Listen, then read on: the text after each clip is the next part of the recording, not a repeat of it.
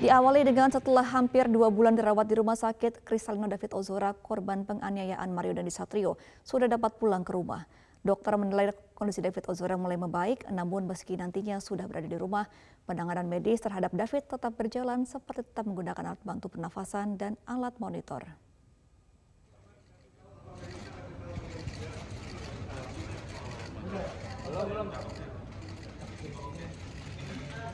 Pemirsa, seperti inilah kondisi terbaru David Ozora, korban penganiayaan Mario Dandi Satrio, anak dari bekas pejabat pajak Rafael Alun.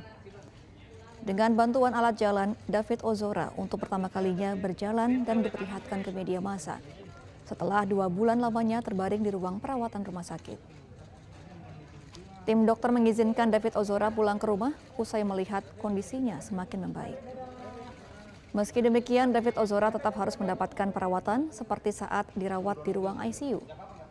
Saat berada di rumah, David tetap harus menggunakan alat bantu pernafasan dan alat monitor perkembangan kesehatan. Selama dua bulan dirawat di rumah sakit, biaya perawatan David Ozora ditanggung perusahaan asuransi dan sisanya ditanggung oleh keluarga.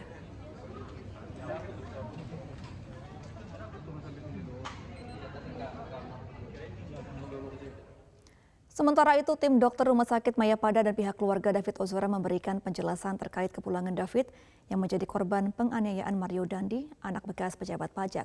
Berikut pernyataan dalam disampaikan salah satu dokter spesialis saraf dan pihak keluarga David Ozora. Walaupun kita sudah pulangkan hari ini, ini masih membutuhkan treatment yang cukup panjang. Karena dari sisi kognisi atau pikirannya, itu masih membutuhkan latihan dan masih membutuhkan untuk pemulihan. Dan motorik pun motorik halusnya masih belum sepenuhnya Jadi ini masih membutuhkan treatment yang agak cukup panjang sehingga masih bisa pulih. Nah, jadi kita pulangkan hari ini itu karena dari segi motoriknya jauh lebih membaik, kognisinya juga membaik walaupun belum 100% mendekati normal, tetapi ini sudah jauh membaik kondisi awal itu koma. Nah, yang berikutnya itu dia sudah bisa melakukan aktivitas sehari-hari seperti makan, minum, uh, seperti kayak sehari-hari seperti main handphone sudah mulai bisa. Tetapi dari sisi kognisi masih membutuhkan treatment yang masih cukup jangka waktu panjang sehingga dia bisa pulih seperti uh, sebelum kena trauma kemarin. Selain seorang mahasiswa Indonesia asal Lampung yang sedang studi di Australia mengkritik buruknya infrastruktur di Lampung, namun kritik yang disampaikan justru direspons negatif oleh sejumlah petinggi di pemerintahan Lampung. Bahkan keluarga mahasiswa yang mengkritik justru mendapatkan ancaman atau intimidasi termasuk dari Gubernur Lampung. Oke di video kali ini gue mau presentasi tentang alasan kenapa Lampung ini kagak maju-maju. Buat yang baru melihat video ini di FVP kalian, kenalin nama gue Bima. Gue berasal dari provinsi yang atu ini, Dakjal. Dakjal. Melalui akun media sosial, Bima Yudo Saputro, seorang pemuda asal Lampung Timur Provinsi Lampung yang sedang menempuh pendidikan di Australia mengkritik pembangunan infrastruktur di Provinsi Lampung. Kritikan Bima pun viral. Bahkan, sejumlah netizen pun membagikan fakta terkait kondisi jalan di Lampung yang menurut mereka sesuai dengan kritikan yang dilontarkan Bima. Namun, setelah video viral, Bima pun kembali membagikan kisahnya di dunia maya. Ia menyebut keluarganya ikut terdampak kritik yang ia lontarkan.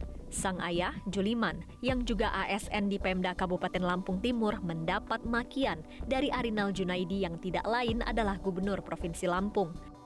Tidak hanya itu, sang ibu, Seringatun juga diintimidasi dengan adanya aparat yang datang ke rumahnya. Sementara itu anggota DPR dari daerah pemilihan Lampung Taufik Basari menyayangkan respon pemerintah daerah Lampung atas kritik warga. Menurutnya, pejabat di Lampung justru harus menangkap aspirasi dari warga, bukan malah menangkap pengkritik. Oh, memang infrastruktur di Lampung uh, butuh peningkatan, butuh perbaikan dan kita mengalami cukup lama bertahun-tahun kita uh, mendapatkan infrastruktur terutama jalan yang uh, rusak. Dan tentu kita berharap uh, dari hal yang viral yang disampaikan oleh Bima itu bisa memacu semangat kita semua untuk melakukan perbaikan-perbaikan. Nah, apa yang disampaikan oleh Bima itu adalah satu aspirasi yang semestinya di, uh, ditanggapi dengan uh, sebuah tindakan-tindakan keputusan dan kebijakan. Menanggapi viralnya kritikan Bima terhadap Provinsi Lampung, Wakil Gubernur Lampung Cusnunia Calim mengakui masih ada jalan-jalan rusak di wilayahnya. Namun, Cusnunia enggan mengklarifikasi kritikan Bima soal buruknya kondisi infrastruktur di Lampung yang viral di media sosial. Kita perlu juga wise. Bukan berarti ada daerah yang jalan rusak, bukan berarti semuanya rusak nggak dibangun. Kerja nggak perlu mindsetnya untuk mengklarifikasi netizen. Kerja itu ya kerja aja, kerja sesuai tupoksi kita, sesuai tanggung jawab kita, eh, apa namanya masyarakat yang me, me, merasakan manfaatnya. Tim Liputan, Media Group Network. Pemerintah Kabupaten Lampung Timur, Lampung mengklaim pihaknya memastikan keamanan bagi keluarga Bima Yudo Saputro. Bupati Lampung Timur, Dawam Raharjo bahkan turun, tang, turun langsung untuk memberikan keamanan bagi warganya. Saya selaku Bupati uh, menjamin tidak adanya intimidasi uh, masalah keamanan bagi Pak Julian beserta keluarganya. Yang jelas kami artinya siap uh, dengan seluruh warga masyarakat supaya mereka tetap nyaman, biasa, apalagi beliau juga PNS. Saya selaku pejabat pembina kepegawaian Kabupaten Lampung Timur berhak untuk melindungi anggota Kurang dari sepekan masyarakat akan merayakan Idul Fitri. Sebagian warga sudah mulai melakukan perjalanan mudik untuk mengantisipasi kepadatan saat mudik. Korlantas Polri menggelar operasi ketupat 2023 dan melakukan beberapa rekayasa lalu lintas. Korlantas Polri beserta jajaran akan memperlakukan rekayasa lalu lintas dan ganjil genap agar terciptanya mudik lebaran 2023 yang aman, selamat, tertib, lancar, dan sehat. Penerapan rekayasa lalu lintas arus mudik lebaran 2023 berupa kontraflow, mulai dari kilometer 47 gerbang tol Karawang Barat sampai dengan kilometer 72 gerbang tol Cikampek. Kemudian dilanjutkan one way mulai dari kilometer 72 gerbang tol Cikampek sampai dengan kilometer 414 gerbang tol Kalikangkung. Penerapan ganjil genap diberlakukan mulai dari kilometer 47 gerbang tol Karawang Barat hingga kilometer 414 gerbang tol Kalikangkung. Rekayasa lalu lintas dan ganjil genap arus mudik lebaran 2023 mulai diberlakukan pada Selasa 18 April 2023 pukul 14 sampai dengan pukul 24. Rabu 19 April 2023 pukul 8 sampai dengan pukul 24. Kamis 20 April 2023 pukul 8 sampai dengan pukul 24. Jumat 21 April 2023 pukul 8 sampai dengan pukul 24. Jika terjadi kepadatan arus lalu lintas secara tiba-tiba atau situasional, Kepolisian Negara Republik Indonesia dapat melaksanakan manajemen operasional berupa diskresi petugas kepolisian. Dihimbau bagi pengendara untuk mengikuti rambu-rambu lalu lintas serta mengikuti arahan petugas di lapangan. Mudik aman, selamat, tertib, lancar, dan sehat.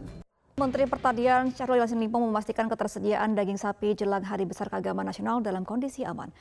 Mentan mengklaim ketersediaan daging sapi mencukupi hingga melewati masa lebaran.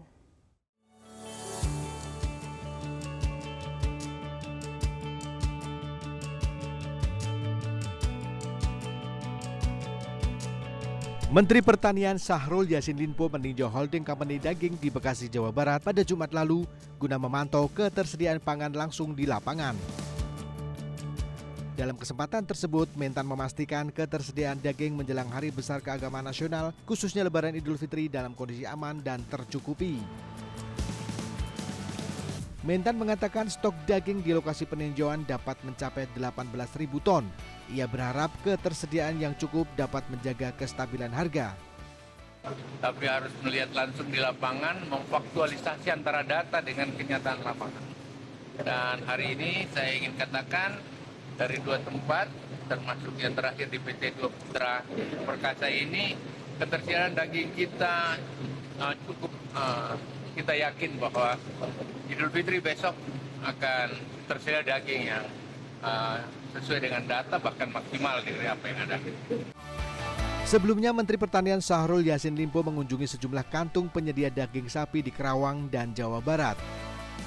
Salah satu penyedia sapi impor di Desa Karangmekar, Kedung Waringin, Bekasi, Jawa Barat ini memiliki stok ketersediaan sapi impor hingga 3.000 ekor.